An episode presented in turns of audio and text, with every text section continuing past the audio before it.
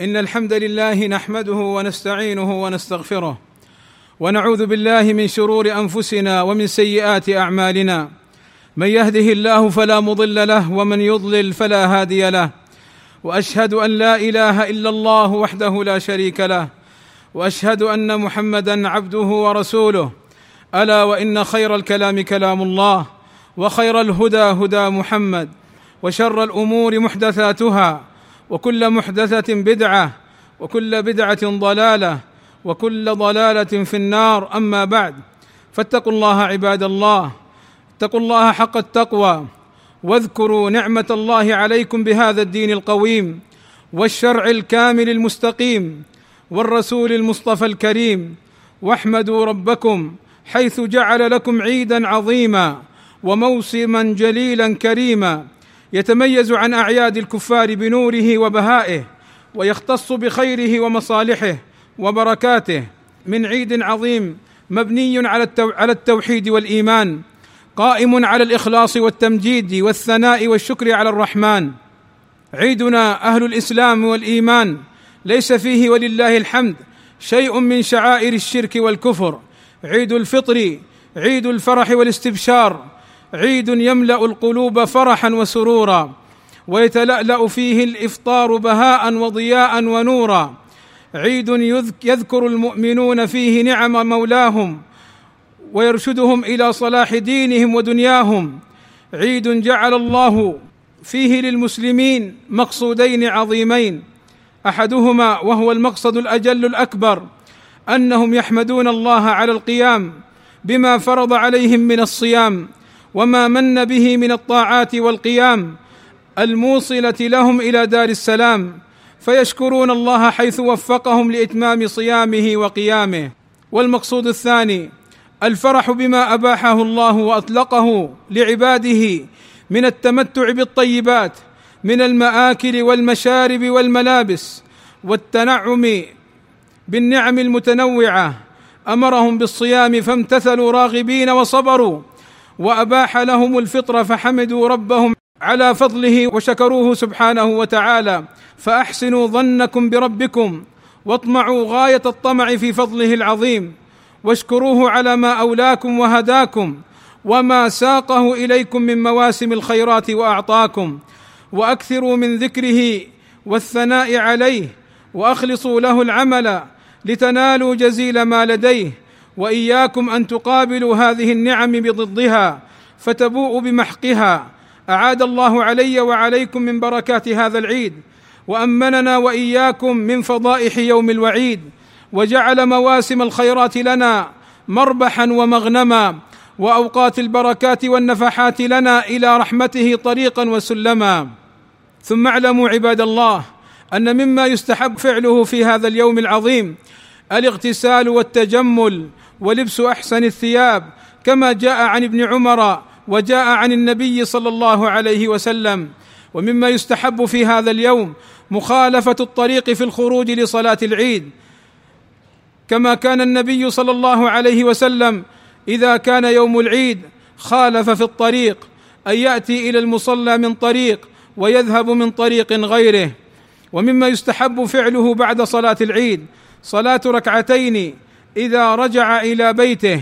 فقد كان رسول الله صلى الله عليه وسلم يفعل ذلك وهو من السنن المهجورة. فلنعمل بها. بارك الله فيكم.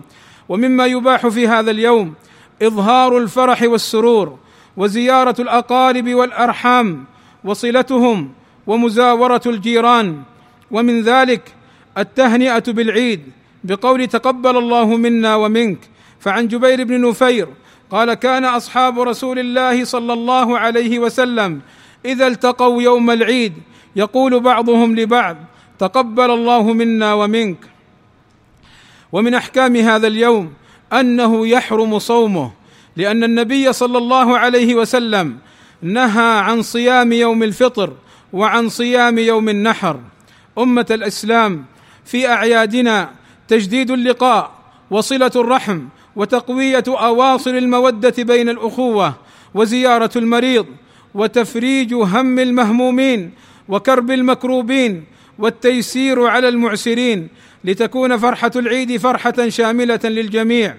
إن أعيادنا نحن المسلمون ليست تحللا من قيود الشرع ولا طيا لبساط العبادة ولا هدما لبناء الأعمال الصالحة ولكنها أعياد شرعية منضبطة بضوابط الشرع فلنحذر أن نبارز الله بالعصيان في هذا اليوم. أفراحنا ليست لإطلاق أيدينا وألسنتنا في المنكرات والاقتراف ما حرم الله علينا من اختلاط محرم أو غناء محرم أو فحش في القول والعمل ولكنها أعياد قائمة على الطهر والنقاء والحشمة والحياء والخلق الحسن والبذل والعطاء. ثم اعلموا عباد الله أن الشيطان حريص على أن يتدرج مع المسلم ليوقعه في الذنوب فأول ذنب يريد أن يوقعه فيه الشرك بالله فإن استجاب كان هذا غاية مطلوبه ومنتهى مراده فإن لم يستجب انتقل إلى أن يوقعه في البدعة فإن وقع فيها فكان ذلك أيضا مراده فإن لم يستجب أوقعه في كبائر الذنوب. فإن لم يستجب أوقعه في الصغائر فإن لم يستجب له جعله يسترسل في المباحات. فعلينا عباد الله أن نكون حذرين من عدونا منتبهين لما يريده منا حتى يوقعنا في المعاصي والذنوب. وكل تلك المعاصي طريق مؤد إلى النار والعياذ بالله ومبعد عن الجنة. قال الله تعالى عن إبليس قال فبعزتك لأغوينهم أجمعين إلا عبادك منهم المخلصين. حافظوا على صلاتكم خاشعين فيها لله ومروا أهليكم بها واصبروا على تربيتهم وتعليمهم. أدوا زكاة أموالكم طيبة بها نفوسكم.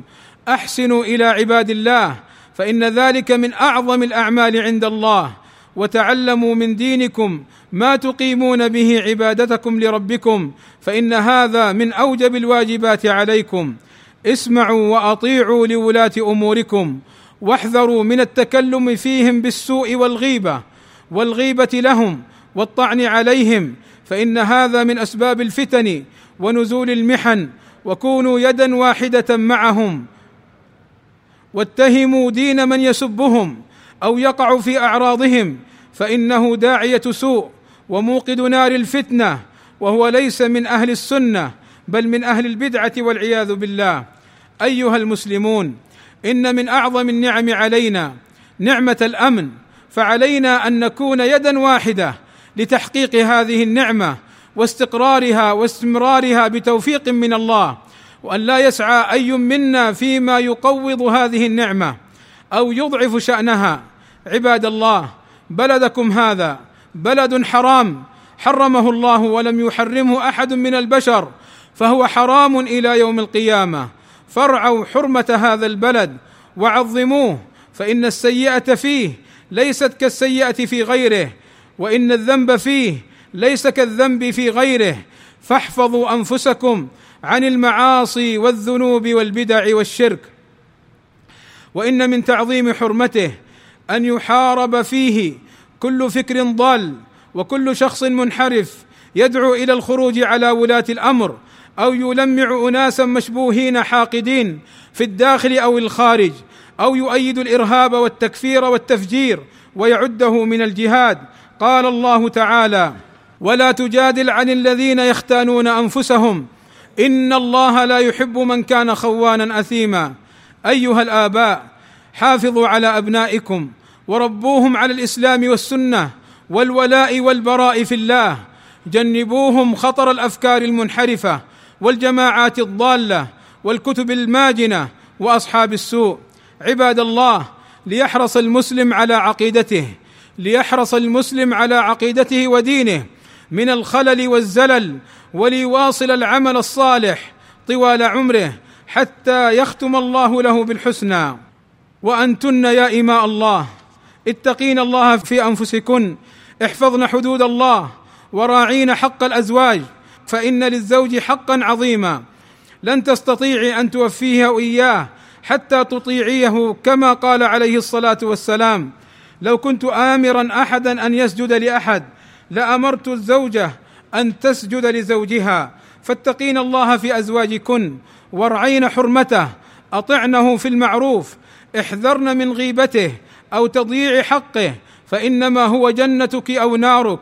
وارعي أيتها المؤمنة حق الأولاد أحسني تربيتهن وامنعي وامنعيهن من ارتكاب المحرمات فإنهم أمانة في عنقك. ستسألين عنها يوم القيامة. أيتها المؤمنة الصالحة القانتة حافظي على حجابك وحشمتك وحيائك فإنه الستر والعفاف. والتبرج والسفور من أسباب الشرور والفتن ومن صفات أهل النار. نعوذ بالله من ذلك. قال صلى الله عليه وسلم صنفان من أهل النار لم أرهما وذكر منهما ونساء كاسيات عاريات مائلات مميلات رؤوسهن كأسنمة البخت المائلة لا يدخلن الجنة ولا يجدن ريحها وإن ريحها لا يوجد من مسيرة كذا وكذا. أيتها المرأة الصالحة المؤمنة تصدقي وأكثري من الصدقة. فإن النبي صلى الله عليه وسلم قال للنساء أريت النار فإذا أكثر أهلها النساء يكفرن. قيل أيكفرن بالله؟ قال يكفرن العشير ويكفرن الإحسان. لو أحسنت إلى إحداهن الدهر ثم رأت منك شيئا قالت ما رأيت منك خيرا قط. فاحذرن أيتها المؤمنات من هذه الصفة القبيحة ومن هذا الخلق الذميم. رزقنا الله وإياكن وجميع المسلمين العلم النافع والعمل الصالح. اللهم إن عبادك خرجوا إلى هذا المكان يرجون ثوابك وفضلك ويخافون عذابك. اللهم حقق لنا ما نرجوه وأمنا مما نخاف. يا سميع الدعاء اللهم واغفر لنا وارحمنا إنك أنت الغفور الرحيم. اللهم تقبل منا الصيام والقيام وسائر الأعمال. اللهم اجعلنا ممن أعتقت رقابهم في شهر رمضان. واغفر لنا ذنوبنا وإسرافنا في أمرنا. وثبت أقدامنا. وانصرنا على القوم الكافرين. اللهم وأحسن عاقبتنا في الأمور كلها. وأجرنا من خزي الدنيا وعذاب الآخرة. اللهم وفق ولي أمرنا لما تحبه وترضى. وخذ بناصيته للبر والتقوى. واجمع كلمة المسلمين على الحق والهدى ووحد صفوفهم. وانصرهم على عدوك وعدوهم. يا قوي يا عزيز وآخر دعوانا أن الحمد لله رب العالمين وصلى الله وسلم على نبينا محمد وعلى آله وصحبه الطيبين الطاهرين.